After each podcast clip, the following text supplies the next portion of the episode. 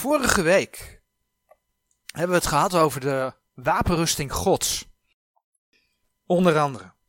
En we hebben stilgestaan bij het zwaard des geestes. Het zwaard des geestes, dat is Gods woord. En daarbij kwamen we die tekst 1 Thessalonicense 2 vers 13 tegen. En laten we dat vers nog een keer lezen. Het vers staat ook op de dia, maar zoek het op in je Bijbel. Kun je lezen dat het er staat. 1 Thessalonicense 2 vers 13. Dat vers dat zegt, Daarom danken wij ook God zonder ophouden dat als gij het woord der prediking Gods van ons ontvangen hebt, gij het aangenomen hebt, niet als der mensenwoord, maar gelijk het waarlijk is als Gods woord, dat ook werkt in u die gelooft. De Heere zegt in zijn woord dat het levend en krachtig is. Je kunt dat vinden in Hebreeën 4 vers 12. Dat woord van God dat werkt. Maar nu staat er in 1 Thessalonicense 2 vers 13 dus iets bij. Namelijk dat werkt in u die gelooft. Ja, en daar heb ik toen een opmerking over gemaakt. Namelijk dat je eerst de Heer Jezus moet aannemen. En dat dan pas het woord van God in je gaat werken. Want dan gaat dat woord van God iets met je doen. En dan gaat dat woord van God je vormen. En op die opmerking heb ik een vraag gehad. En niet helemaal letterlijk, maar het kwam erop neer. Ja, maar je gaat toch ook straat breken? Jullie gaan straat breken. Dat doe je toch om mensen met het woord van God in aanraking te brengen. Zodat die mensen kunnen gaan geloven. Dat is toch ook de werking van het woord van God? Hoe kun je dan stellen dat het woord van God pas werkt op het moment dat je tot geloof gekomen bent? Afgelopen week heb ik daar toch nog eens uh, ja, over nagedacht. Gezocht in Gods woord. Want ja, het staat toch geschreven, hè? Gods woord dat ook werkt in u die gelooft. Dus dan is de vraag, klopt dit vers niet? Nou, Gods woord is de waarheid, dus ja, dat vers dat klopt. Kunnen we vast uitsluiten. Of is dit vers misschien een deel van de waarheid? Oftewel dat een ander vers iets aanvult of zo. Dat zou kunnen. Laten we daar vandaag naar kijken. En dan gaan we allereerst een gedeelte lezen uit Lucas 8. Lucas 8, vers 4 tot en met 15.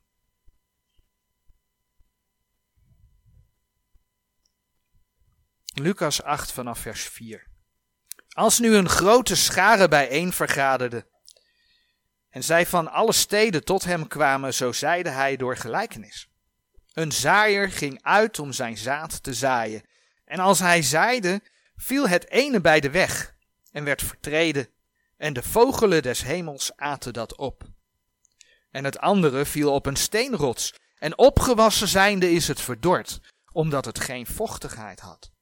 En het andere viel in het midden van de doornen, en de doornen, mede opwassende, verstikte hetzelfde. En het andere viel op de goede aarde, en opgewassen zijnde bracht het honderdvoudige vrucht voort. Dit zeggende riep hij, wie oren heeft om te horen, die horen. En zijn discipelen vraagden hem, zeggende, wat mag deze gelijkenis wezen? En hij zeide, u is het gegeven de verborgenheden van het koninkrijk gods te verstaan. Maar tot de anderen spreek ik in gelijkenissen, opdat zij ziende niet zien en horende niet verstaan. Dit is nu de gelijkenis. Het zaad is het woord gods. En die bij de weg bezaaid worden, zijn deze die horen. Daarna komt de duivel en neemt het woord uit hun hart weg, opdat zij niet zouden geloven en zalig worden. En die op de steenrots bezaaid worden, zijn deze die, wanneer zij het gehoord hebben, het woord met vreugde ontvangen. En deze hebben geen wortel, die maar voor een tijd geloven, en in de tijd der verzoeking wijken zij af. En dat in de doornen valt, deze zijn die gehoord hebben en heengaande verstikt worden door de zorgvuldigheden en rijkdom en wellusten des levens en voldragen geen vrucht. En dat in de goede aarde valt, zijn deze die het woord gehoord hebbende, hetzelfde in een eerlijk en goed hart bewaren en in volstandigheid vruchten voortbrengen. We gaan beginnen bij het begin. een ongelovige die de Heere niet kent. De ongelovige heeft allereerst een vrije wil. Onlangs hebben we nog een aantal voorbeelden gezien, naar aanleiding van Romeinen, dat alle mensen een vrije wil hebben om de Heere te leren kennen of niet. Om de Heere aan te nemen of niet. We hebben onder andere gekeken naar het voorbeeld van de farao van Egypte. En dat er een hele bekende tekst in Romeinen 9, vers 17 over de farao van Egypte eh, staat. Dat God zijn hart verhardde. Maar we hebben ook gezien door naar de geschiedenis in Exodus te kijken. Dat God de farao wel degelijk twee kansen gaf om hem aan te nemen. Om, of aan te nemen om te luisteren naar wat de Heere God tegen hem zei. Maar die farao, die zei uit zichzelf in Exodus 5 vers 2. Wie is de Heere wiens stem ik gehoorzamen zou om Israël te laten trekken? Ik ken de Heere niet. Farao koos ervoor om ondanks dat Mozes hem met Gods woorden confronteerde, de Heere niet te kennen. Daar koos hij voor. En dan zie je in de loop van de geschiedenis dat God zijn hart gaat verharden. Farao zegt nee, ik moet hem niet. En dan gaat God zijn hart verharden. We hebben gekeken naar de bekende tekst in Romeinen 9, vers 21. Waar gesproken wordt over de macht van de pottenbakker over het leem. En die pottenbakker is dan de Heere God. Maar zoals bleek, laat de Heere zien dat ook de vaten die hij maakt een wil hebben. En dat blijkt niet direct uit de tekst van Romeinen 9 vers 21, maar als je 2 Timotheus 2 vers 20 en 21 erbij leest, dan zie je opeens van, hé, hey, die vaten hebben een wil. En dat is een wil waar de Heer niet omheen werkt. Daar houdt hij rekening mee. En het is dan ook niet voor niets, en, en dat, dat vers zoeken we op, dat de Heer in 1 Timotheus 2 vers 4 het volgende zegt. 1 Timotheus 2 vers 4. 1 Timotheus 2 vers 4 zegt, welke wil, dat gaat dus over de Heere God, dat zie je in vers 3, want dat is goed en aangenaam voor God onze zaligmaker, vers 4, welke wil dat alle mensen zalig worden, allemaal. Daar is geen eentje uitgezonderd. En tot kennis der waarheid komen. Dat is geen loze zin. De Heer God wil echt dat alle mensen in de Heer Jezus tot Hem komen om eeuwig leven te ontvangen. En dat is dus ook voor ieder mogelijk. Want mensen hebben een vrije wil, alleen daar komt hij. Ze moeten wel kiezen, ze moeten een keuze maken. Als ze de boodschap aangereikt krijgen, moeten ze ja zeggen. Ja, Heer, u bent ook voor mijn zonde gestorven. Mensen moeten kiezen. Nou, we hebben zojuist in Lucas 8 gelezen dat de zaaier uitgaat om te zaaien. En in Lucas 8, vers 11 zagen we dat dat zaad het woord van God is. In Lucas 8, vers 11, daar hebben we gelezen. Dit is nu de gelijkenis: het zaad is het woord Gods. De zaaier is dan de Heere zelf. Maar zoals we weten, en dan bladeren we ondertussen naar Handelingen 26. Zoals we weten gebruikt de Heere God mensen om zijn woorden uit te delen. Zo heeft de Heere onder andere Vanmorgen hadden we het al over hem. De apostel Paulus gebruikt. En in Handelingen 26, vers 18, lezen we dan dat Paulus naar de heidenen wordt gestuurd om hun ogen te openen en hen te bekeren van de duisternis tot het licht en van de macht des Satans tot God, opdat zij vergeving der zonde ontvangen en een erfdeel onder de geheiligden door het geloof in mij. Dat is wat de Heer tegen Paulus zei. Paulus mocht een arbeider zijn. Om mensen, ja, met de Heer Jezus in aanraking te brengen. Zodat mensen tot bekering konden komen door het geloof in de Heer Jezus Christus. Want die mij die daar op het eind stond, dat was niet Paulus, maar dat was de Heer, Jezus. En zo werkt het vandaag de dag ook. De Heer gebruikt mensen om anderen met het evangelie in aanraking te brengen. En hoe bewerkt de Heer dat? Nou, onder andere door zijn geest. Als we in Johannes kijken, Johannes 16, vers 8. Johannes 16, vers 8. Het is niet voor niks Pinksteren geworden dat de Heilige Geest is gekomen naar deze aarde. God wil mensen bereiken. Nou, wat gaat die trooster doen? Johannes 16, vers 8. En die gekomen zijnde zal de wereld overtuigen van zonde en van gerechtigheid en van oordeel. Van zonde omdat zij in mij niet geloven. En van gerechtigheid omdat ik tot mijn vader heen ga en gij zult mij niet meer zien, zei de Heer Jezus. En van oordeel omdat de overste deze wereld geoordeeld is. Daar staat niet dat de Heer door zijn geest zijn woord in de harten van mensen legt die uit de wereld zijn. Dat staat er niet. Maar wel dat zijn geest in deze wereld werkt om mensen te overtuigen. En daar zullen we zo direct een voorbeeld van zien. Nou, nou is er maar eentje op uit om mensen daarvan te weerhouden. Dat ze die stap niet nemen. En dat is de duivel. In de schriften ook wel de God van deze wereld, de God deze eeuw genoemd. In 2 Korinthe 4 vers 4. 2 Korinthe 4 vers 4. Daar lezen we over hem. In de welke de God deze eeuw de zinnen verblind heeft. 2 Korinthe 4 vers 4. In de welke de God deze eeuw de zinnen verblind heeft, namelijk der ongelovigen, opdat hen niet bestralen de verlichting van het evangelie der heerlijkheid van Christus, die het beeld Gods is. Die duivel probeert dus mensen te verblinden, zodat het evangelie der heerlijkheid ja, niet tot mensen kan doordringen. Maar dat is ook wat we lezen in de gelijkenis van de zaaier. In Lucas 8, vers 12. Daar hebben we gelezen. Lucas 8, vers 12. En die bij de weg bezaaid worden, zijn deze die horen. Daarna komt de duivel en neemt het woord uit hun hart weg, opdat zij niet zouden geloven en zalig worden. Dat is waar de vijand van God op gericht is, het woord weghalen. Nou, het gaat hier heel duidelijk in dat vers om ongelovigen. En we lezen dus dat dat woord bij die ongelovigen, doordat ze het horen, in het hart is gekomen. Toen we bij het onderwerp uh, geest, ziel en lichaam stilstonden, zagen we wat ons hart is. dan hebben we het niet over dat kloppende ding wat in ons lichaam zit, fysiek. Maar als de Bijbel over het hart spreekt, dan heeft de Bijbel het over het innerlijk van de mens. Dan heeft de Bijbel het over de gedachten en overleggingen des harten. De plek waar mensen beslissingen nemen. Het hart is de plek waar de geest van de mens woont. Maar ook waar de Heilige Geest in is uitgestort. Allerlei teksten die daarover gaan zijn Genesis 6 vers 5, 1 Kronieken 28 vers 9, 2 Korinthe 1 vers 22 en Galaten 4 vers 6. Dan hebben we het dus over die ongelovigen van Lucas 8 vers 12 was het. Ja, Lucas 8 vers 12. Die doen dus niets met dat woord. Ja, ze zijn misschien langs uh, bij iemand op visite die ze verteld heeft, of ze zijn langs een straatprediker gekomen, ze hebben wat opgevangen. Dat is in ze gekomen.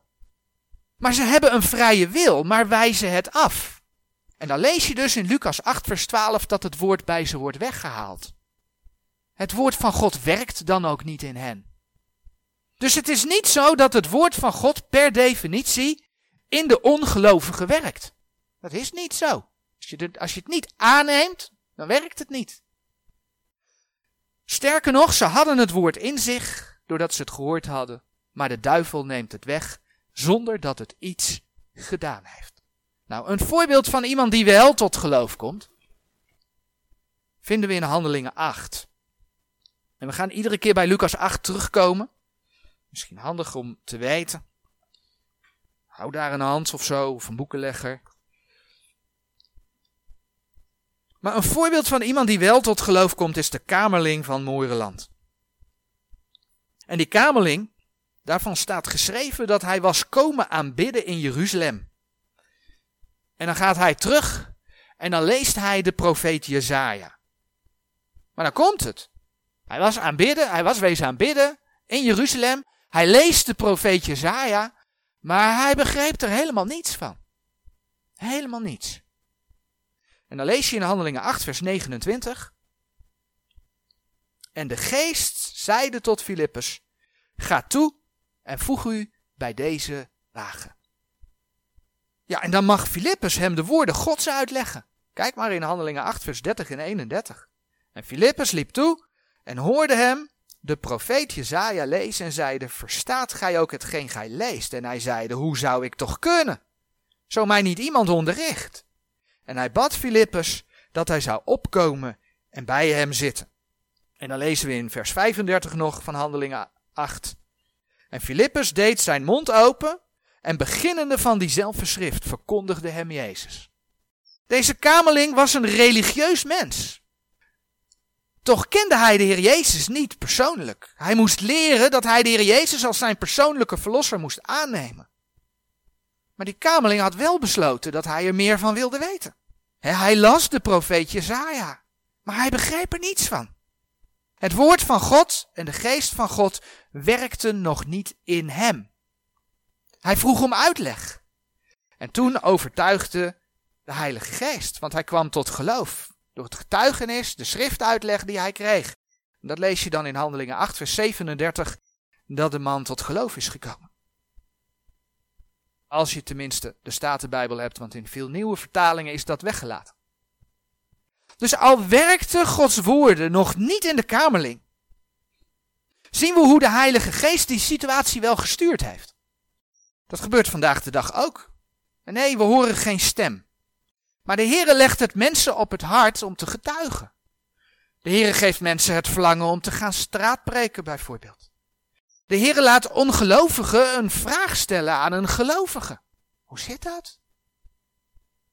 De Heere brengt gelovigen en ongelovigen met elkaar in contact. En de Heere kan zorgen dat een ongelovige in elk geval luistert naar de boodschap, waardoor dat woord binnenkomt. En zo schept Gods geest de situaties dat het woord van God gezaaid kan worden. Maar dan komt hij. Mensen moeten dan wel een beslissing nemen. Want zoals we gezien hebben, heeft de mens een vrije wil. En dat stuurt de Heere God niet. En ja, er staat een tekst, ik meen in Filippenzen, heb ik niet in de voorbereiding staan, dat God het willen en het werken bewerkt. Maar weet je tegen wie hij dat zegt? Dan moet je de context lezen, wordt tegen gelovigen gezegd. Een mens heeft een vrije wil om hem te dienen. Dus dat stuurt de Heere God niet, anders is het geen vrije wil meer. En als je het afwijst, ja, dan doet Gods woord je niets. Dan werken Gods woorden niet in je. Dan ga je Gods woorden niet begrijpen. Sterker nog, de kans is groot dat je Heere je dan zelfs verhardt en je de leugen gaat laten geloven. Dat vinden we onder andere in 2 Thessalonicense 2 vers 11 en 12. Laat die versen toch maar even lezen. Als je bewust God afwijst, dat is een keuze die je maakt, dan uh, zendt de Heer een verharding. Dit wordt met name over de, over de eindtijd geschreven, deze versen. Maar je vindt dat op meerdere plekken in, in Gods woord terug. Maar deze zijn heel duidelijk, dus ik, ik lees deze versen even voor. 2 Thessalonicense 2, vers 11 en 12. En daarom zal God hun zenden een kracht der dwaling, dat zij de leugen zouden geloven, opdat zij alle veroordeeld worden die de waarheid niet geloofd hebben, maar een welbehagen hebben gehad in de ongerechtigheid. Dus als je de waarheid, als je zijn boodschap niet gelooft en de ongerechtigheid lief hebt, dan zendt God een dwaling. Dan is hij gerechtigd om te oordelen. De andere kant is dus dat je Gods woorden aanneemt. Dan gaan Gods woorden in je werken. En dat begint met de wedergeboorte. 1 Petrus 1 eh, vers 23 zegt dat zo mooi. 1 Petrus 1 vers 23. Gij die wedergeboren zijt, niet uit vergankelijk, maar uit onvergankelijk zaad, door het levende en eeuwig blijvende woord Gods. Maar dan moet je dus wel ja zeggen tegen het aanbod van de Heere. Het woord van God speelt een rol in die wedergeboorte. Dat dus eigenlijk het eerste is, de wedergeboorte is het eerste wat dat woord van God doet. In het leven van die mens die tot geloof komt. Maar daar kom ik zo meteen nog op terug. Die beslissing heeft in deze tijd, hè, we leven in de gemeentetijd, niet onder de wet in het Oude Testament, zijn niet het volk Israël. Die beslissing heeft in deze tijd te maken met het accepteren van het volbrachte werk van de Heer Jezus voor jouw leven. En we hebben die versen vaker gelezen, maar in deze context gaan we ze gewoon weer lezen, Romeinen 10. Vers 9 en 10. Die maken zo duidelijk waar het om gaat, om tot wedergeboorte te komen. Namelijk indien gij met uw mond zult beleiden de Heer Jezus en met uw hart geloven dat hem God uit de doden opgewekt heeft, zo zult gij zalig worden. Hoe kom je tot behoud? Met je mond beleiden, met je hart geloven. De Heer Jezus, dat hem God uit de doden opgewekt heeft. Want met het hart gelooft men ter rechtvaardigheid. En met de mond beleidt men ter zaligheid. Je komt dus niet tot geloof door alleen de Bijbel te lezen. Of door naar de samenkomst te gaan. je kunt blij worden van de boodschap. En daardoor naar de samenkomst gaan, dat kan. Je kunt zelfs zien dat de Bijbel misschien wel een heel bijzonder boek is. Dat kan. Maar dat maakt niet, dat alles maakt niet dat de Heer Jezus jouw persoonlijke verlosser is. als je zonder de Heer te kennen door het leven gaat, terwijl je wel religieus wilt zijn, zondag samen naar de kerk, stukje vulling van de dag, luisteren naar normen en waarden. Maar er komen dan problemen in je leven. Dan laat de Bijbel zien, en dat gaan we zo nog lezen, dat je dan op een gegeven moment de Heer ook achter gaat laten. Je gelooft het wel. er staat bijvoorbeeld van de duivelen in Jacobus 2, vers 19 geschreven dat zij geloven. Maar die komen niet tot bekering. Nee, ze sidderen ervan.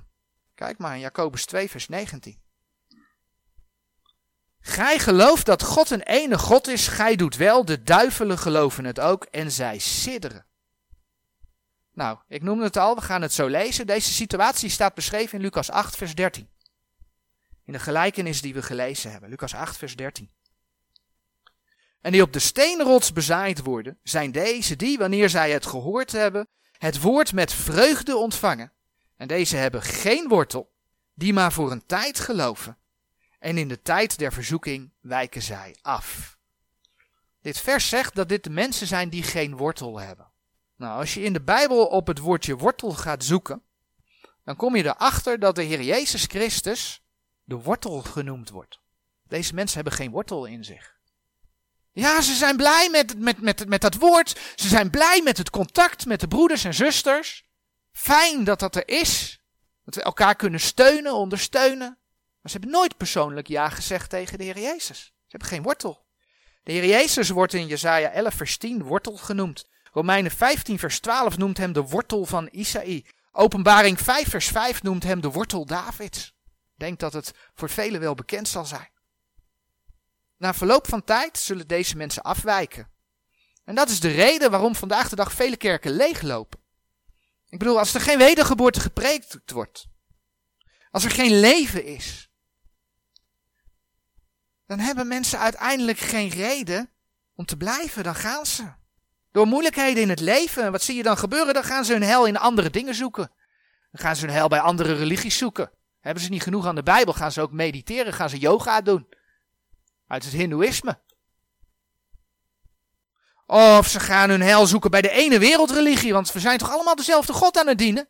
Dat is wat vandaag de dag natuurlijk heel erg naar voren komt. En ze wijken af van Gods woord. En daarom is het belangrijk om niet alleen te horen over God, niet alleen naar de samenkomst te gaan, maar om persoonlijk ja te zeggen tegen het volbrachte werk van de Heer Jezus. Geloven met je hart, Romeinen 10, dat Hij gestorven is en opgestaan is, het beleiden met je mond. Beleid de Heer, vertel Hem dat je een zondaar bent en dat je Hem als persoonlijke verlosser aanvaardt. Dat is het. Dan zul je zalig worden, zegt Romeinen 10. Die versen hebben we gelezen. Want dan word je namelijk opnieuw geboren. Wedergeboren. En dat is een werking door het woord van God en de Heilige Geest. En in Titus 3, vers 5 vinden we dat heel mooi omschreven. Titus. Voor Hebreeën zit Filemon en voor Filemon zit Titus. En dan Titus 3, vers 5. En daar staat: nou, laat ik vers 4 er even bij lezen. Maar wanneer de goede tierenheid van God onze zaligmaker en zijn liefde tot de mensen verschenen is, heeft hij ons zalig gemaakt, niet uit de werken der rechtvaardigheid die wij gedaan hadden, maar naar zijn barmhartigheid, door het bad der wedergeboorte en vernieuwing des heiligen geestes. Wanneer je tot geloof komt, zegt 2 Korinthe 5 vers 17, word je een nieuw schepsel. Daarom heet het ook wederom opnieuw geboren worden. Je wordt verzegeld met de Heilige Geest. Laten we naar Efeze 1 vers 13 en 14. In welke ook gij zijt, nadat gij het woord der waarheid, namelijk het evangelie oor zaligheid, gehoord hebt. In welke gij ook, nadat gij geloofd hebt, horen, geloven, zijt verzegeld geworden met de heilige geest der belofte. Horen, geloven, aannemen. En dan word je verzegeld door de heilige geest. Die het onderpand is van onze erfenis, tot de verkregen verlossing. Dan heb je de verlossing van de Here verkregen, tot prijs zijner heerlijkheid. Dus je hoort het woord, maar dan doet het woord op zichzelf nog niets. Maar op het moment dat je besluit om te geloven, word je verzegeld met de Heilige Geest. En je wordt dan, hè, 1 Korinthe 12 vers 13, in het lichaam van de Heer Jezus gedoopt. Niet door je onder te laten dompelen. Ja, de waterdoop is ook bijbels als getuigenis. Maar de Heilige Geest doopt je in het lichaam van Christus. 1 Korinthe 13 vers, uh, sorry, 12 vers 13. En wat er dan ook plaatsvindt, en ja, dat is een heel onderwerp op zich, dus daar ga ik nu niet uitgebreid op in. Hebben we het afgelopen jaar uitgebreid bij stilgestaan. Is een geestelijke besnijdenis. En die geestelijke besnijdenis, daar kun je over lezen in Colossense 2, vers 11 tot en met 13. En in die versen kun je lezen dat, dat dat woord van God bewerkt dat je je lichaam der zonde des vleeses uittrekt. Dat is natuurlijk niet iets wat fysiek gebeurt, maar wel geestelijk. En de Bijbel noemt dat een besnijdenis die zonder handen geschiet, omdat God het doet. Het is de werking Gods in je leven. En als we dan in Hebreeën 4, vers 12 kijken, dan zien we dat het het woord van God is dat dat uitvoert. Hebreeën 4, vers 12, dat vers zoeken we wel op. Dus het is iets wat met de wedergeboorte gebeurt. Hebreeën 4, vers 12. Want het woord Gods is levend en krachtig. En daar komt hij. En scherp snijdender dan enig tweesnijdend zwaard. En gaat door tot de verdeling der ziel en des geestes. En der samenvoegselen en des mergs. En is een oordeler der gedachten en der overleggingen des harten. Nou, lees daar Colossense 2 vers 11 tot en met 13 bij. Nou weet je wat geestelijke besnijdenis is. Maar zien we dat het het woord is dat van een scheidt. Dus in de wedergeboorte is Gods woord aan het werk. Dus zodra de mens dat woord van God aanneemt voor de gemeente, betekent dat in eerste instantie dat je gelooft in het sterven van de Heer Jezus voor je zonde en zijn opstaan uit de dood. Dan gaat dat woord werken. En maakt het de mens wederom geboren. In samenwerking met zijn geest. Maar dan zijn er nog twee mogelijkheden. Als gelovige. Ja, daar zitten gradaties tussen, maar er zijn in principe twee mogelijkheden. Je kunt vertrouwen op het feit dat de Heer Jezus voor je zonde gestorven is. Maar de wereld trekt je. Je gaat het woord van God niet lezen. Dat hoeft niet. Ik ben tot geloof gekomen, zeg je dan. Ik ga naar de kerk. Ook een, een, een, die heb ik nog wel eens gehoord. Ik ga naar de kerk. De dominee vertelt mij over, uh, de voorganger vertelt mij over het, over het woord. Dat hoef ik niet nog eens zelf te lezen. Je bidt niet. En zondags? Nee, ja weet je, nee, ik ga maar niet naar de gemeente. Je bent druk. Je bent te, te druk geweest. Of ja, weet je, het is wel een beetje ver weg. Nee, ik ga, ik ga maar niet. Om wat voor een reden dan ook. Kunnen allerlei redenen zijn. Je viert liever een feestje dan dat je met broeders en zusters samenkomt. En ja, dat leven wat de Heer vraagt, nou weet je, dat is voor later. Dat is voor later. Weet je, dat is de wereldgelijkvormige christen. In Romeinen 12 vers 2 waarschuwt de Heer daartegen. Hè? Maar dat is de wereldgelijkvormige christen. Die geen vruchten draagt. Geen vruchten kan dragen. Ja, weet je, als wederom geboren, dat staat uh, onder andere in Efeze 4 vers 30. We hebben net over de verzegeling gelezen. Nou, in Efeze 4 vers 30 komt dat ook voor. Daar staat zelfs dat je dan verzegeld bent tot de dag der verlossing. Maar als gelovige kun je de Heilige Geest wel bedroeven.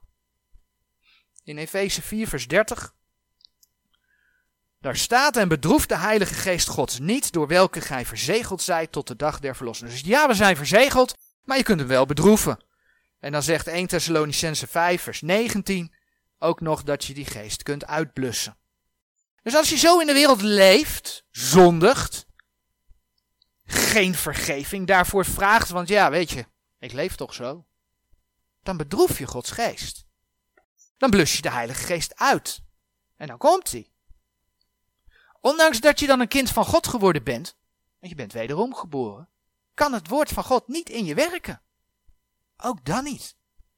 Ook dit vinden we in die gelijkenis van de zaaier, Lucas 8, vers 14. Lucas 8, vers 14. En dat in de doornen valt, deze zijn die gehoord hebben, en heengaande verstikt worden door de zorgvuldigheden en rijkdom en wellusten des levens, en voldragen geen vrucht. Dan nog een keer lezen. En dat in de doornen valt, deze zijn die gehoord hebben en heengaande verstikt worden door de zorgvuldigheden en rijkdom en wellusten des levens en voldragen geen vrucht. In Marcus 4, vers 18 en 19 gaat over hetzelfde. Die lees ik ter aanvulling. Marcus 4, vers 18 en 19. En deze zijn die in de doornen bezaaid worden, namelijk degene die het woord horen en de zorgvuldigheden deze wereld en de verleiding des rijkdoms en de begeerlijkheden omtrent de andere dingen inkomende verstikken het woord en het wordt onvruchtbaar. Het feit dat er over wordt onvruchtbaar gesproken wordt, betekent dat dat woord dus vruchtbaar is geweest. Het woord van God heeft dan ook in deze levens wel degelijk gewerkt, want zijn tot wedergeboorte gekomen. Maar ze zijn zo met de wereld bezig, zo met een rijkdom bezig, zo met begeerte, met wellusten bezig, dat het woord verstikt, dat het onvruchtbaar wordt. En dan zegt dat vers dat deze mensen voldragen geen vrucht.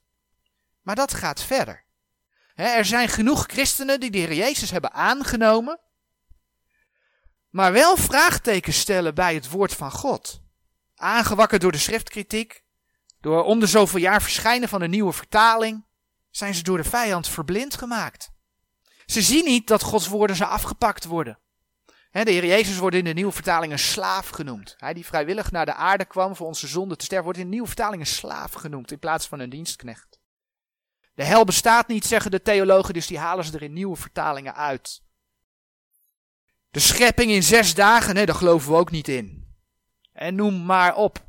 Ze geloven Gods woorden dus niet meer. En dan kom ik dus terug bij die tekst van 1 Thessalonicense 2 vers 13. 1 Thessalonicense 2 vers 13. Daarom danken wij ook God zonder ophouden, dat als gij het woord der prediking Gods van ons ontvangen hebt, gij het aangenomen hebt niet als der mensenwoord, maar gelijk het waarlijk is als Gods woord dat ook werkt in u die gelooft. Met andere woorden, dat woord van God kan niet in je werken op het moment dat je die woorden niet gelooft en gewoon verwerpt. Kan dat woord niet in je werken. En ja, natuurlijk is er een verschil hè, tussen christenen die dit niet weten en er door hun theologen voor verblind zijn. En christenen die Gods woorden heel bewust afwijzen, die geconfronteerd zijn met de boodschap. En die zeggen, nee, ja, maar nee, de hel moet eruit en uh, nee, en uh, nee, de schepping in, in zes dagen. Nee, die geloven niet, die verwerpen het bewust. Daar is een verschil in.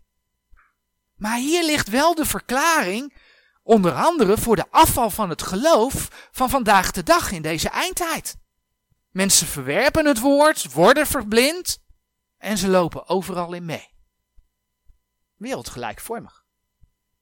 De andere mogelijkheid is natuurlijk dat de christen Gods woorden wel aanneemt en gelooft.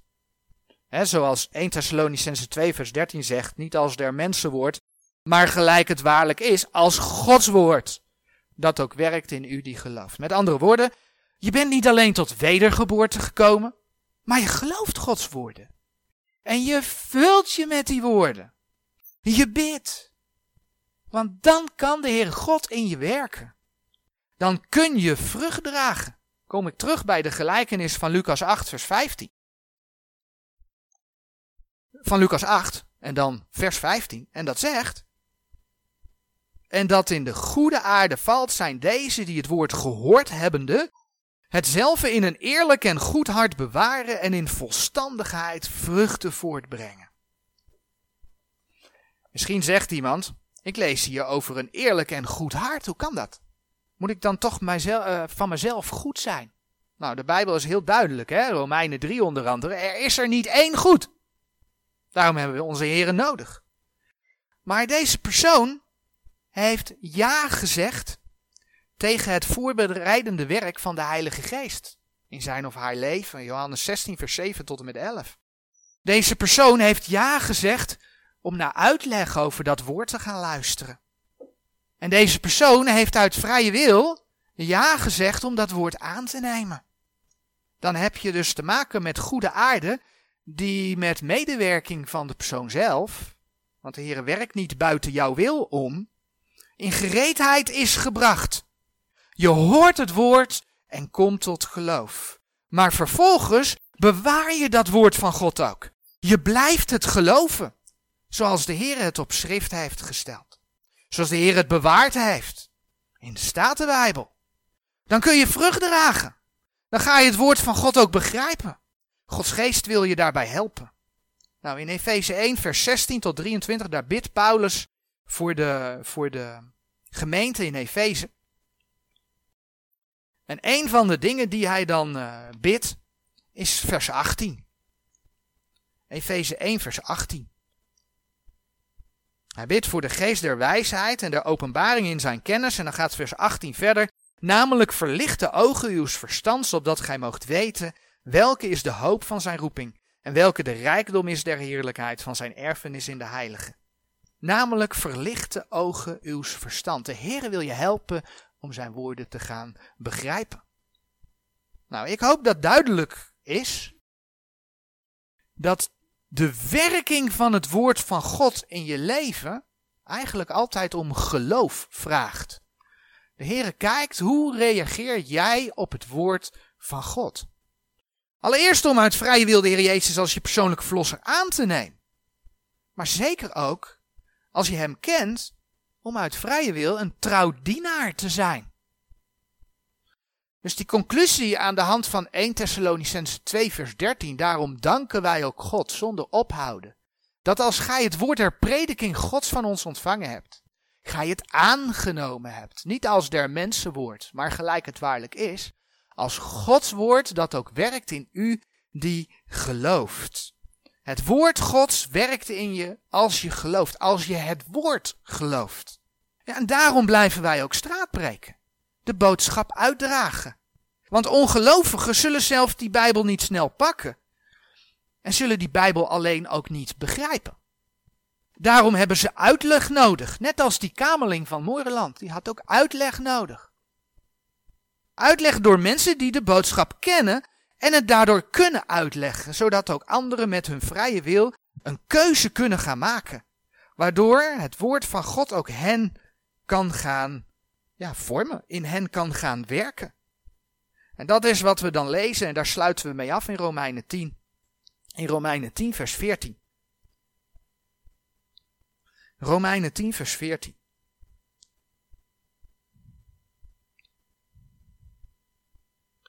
Hoe zullen zij dan hem aanroepen in welke zij niet geloofd hebben? En hoe zullen zij in hem geloven van welke zij niet gehoord hebben? En hoe zullen zij horen zonder die hun predikt? Daarom moet er gepredikt worden, zodat mensen te horen krijgen hoe dat woord in elkaar zit. Wat de boodschap van dat woord. Dat er redding is. Daarom moet er gepredikt worden, zegt Romeinen 10, vers 15. Hoe lieflijk zijn de voeten dergenen die vrede verkondigen, degene die het goede verkondigen. Amen.